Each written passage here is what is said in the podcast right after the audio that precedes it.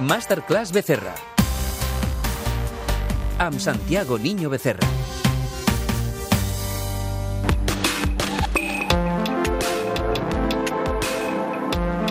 Saludem un dia més al catedràtic d'Economia Santiago Niño Becerra. Comencem una nova masterclass Niño Becerra. S'acosta l'estiu, s'acosten les vacances per a molts, per tant només eh, hem de fer balanç eh, del setembre. Al setembre començarà un nou curs. Diries que el 2019-2020 serà millor que el curs que tancarem ara, Santiago? curs a nivell d'agafant el, el període escolar, és a dir, curs, any. Eh, jo penso que els dos propers anys seran molt dolents, realment molt dolents, pitjor del que, del que ha passat, sí. Amb quina alegria que comencem la secció d'aquest diumenge a la bueno, nit. mm, A veure, és el que hi ha, és a dir, els bancs encara no eh, han fet neteja, eh, hi ha un nivell de deute que és impagable, eh, Espanya en concret té un dèficit mm, que no pot reduir, les previsions de primavera del Fons Monetari Internacional pinten una situació que Espanya va pitjor, bueno, mm, perdona, eh, Chantal, és lo que hi ha. Bé, dir, això en parlarem més, més endavant. Uh, avui volem tocar temes de robòtica, d'intel·ligència artificial, de tecnologia, amb el Santiago, perquè l'altre dia ens deies que els robots d'Amazon acomiaden treballadors no productius. Em va sorprendre, eh? perquè el software d'Amazon mm, va considerar fa uns mesos que 300 treballadors no eren eficients i van proposar acomiadar-los. No sé si ens hem d'anar acostumant que notícies com aquestes deixin de ser sorprenents i es converteixin en habituals, però em preocupen. Sí, a veure, mm, i, i jo, és a dir, abans de començar això, eh, jo, jo crec que és necessari recordar i ho hem fet mo moltes vegades, eh? que estem al començament del començament, del que és la intel·ligència artificial, la robòtica, etc etc. al començament del començament. Com funciona això? Eh, està tan tecnificat tota, el, tota el, la gestió a Amazon que eh, i, els robots eh, poden, no tots, però molts robots d'Amazon, que s'ha treballat a Amazon, poden determinar si un treballador és productiu o no és productiu. I llavors, mm, a veure, no és, que el treba, no és que el robot físicament comiadi el treballador, però, bueno, evidentment es fa evident de que mm, una de dues, o el, aquest treballador es fa més productiu o aquest treballador ha de ser substituït per, una, per un altre robot o per una màquina.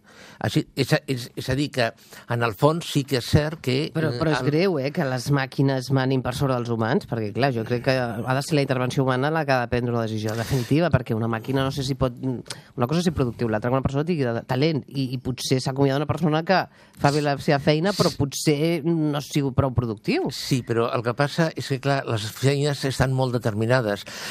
Aquesta notícia està en relació amb una altra que vaig llegir eh, fa poc, un article que parlava de que anem cap a una situació en la qual les màquines, mm, és a dir, eh, una empresa bu- buscarà feina, buscarà treballadors. Llavors, mm, al, al, a l'oferta contestaran màquines i humans.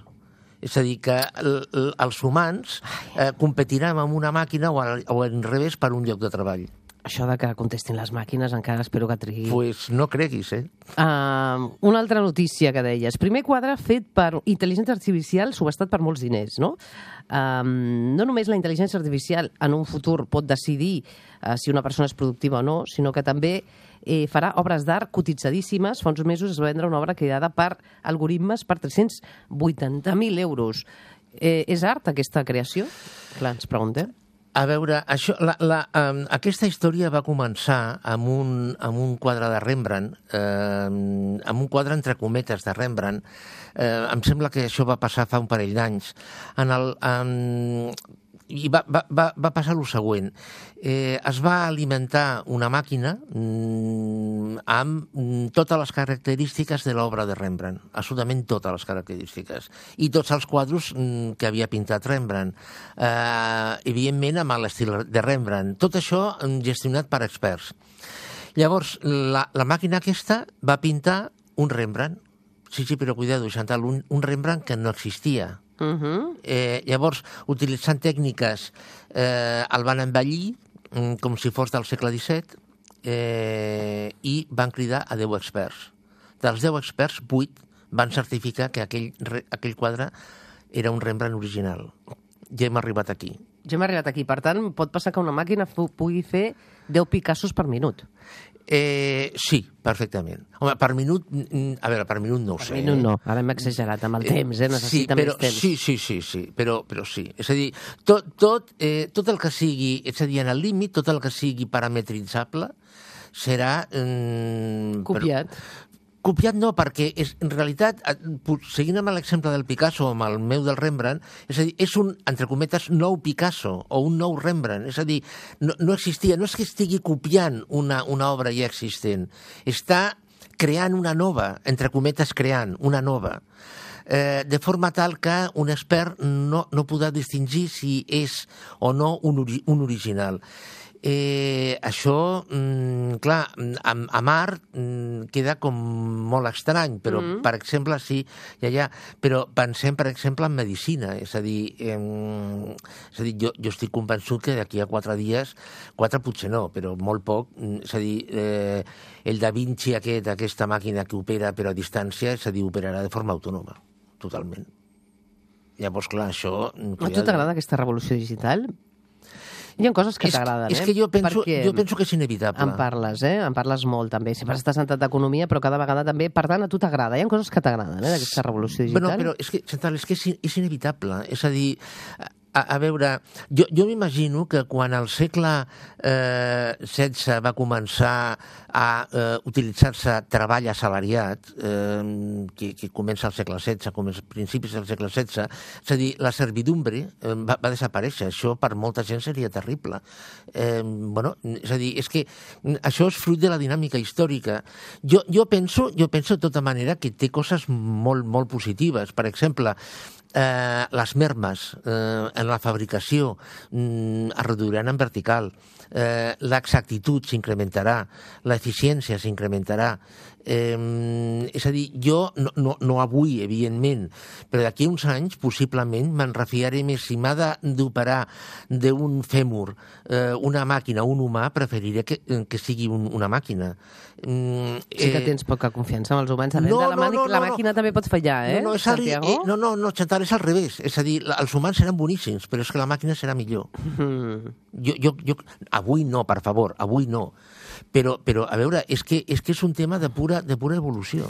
Hi ha un altre tema que també vols tocar, la inversió responsable. Ens vols de- destacar un concepte interessant, la inversió responsable. Uh, com la definiries? I és cert que aquest tipus d'inversions va creixent a tot el món?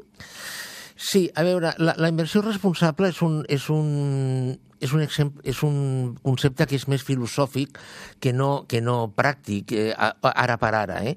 És a dir, és una inversió que eh, té components ètics, morals, etc etc i que vol, doncs això, primar l'eficiència, no, no carregar-se al medi ambient, eh, mirar d'utilitzar recursos reciclables, energies reciclables, etc etc.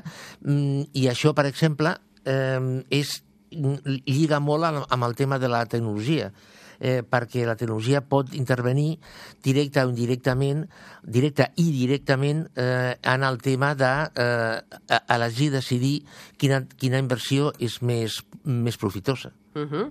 Molt bé. I un altre titular per acabar. Uh, si volem salvar el planeta, hem de ser més pobres.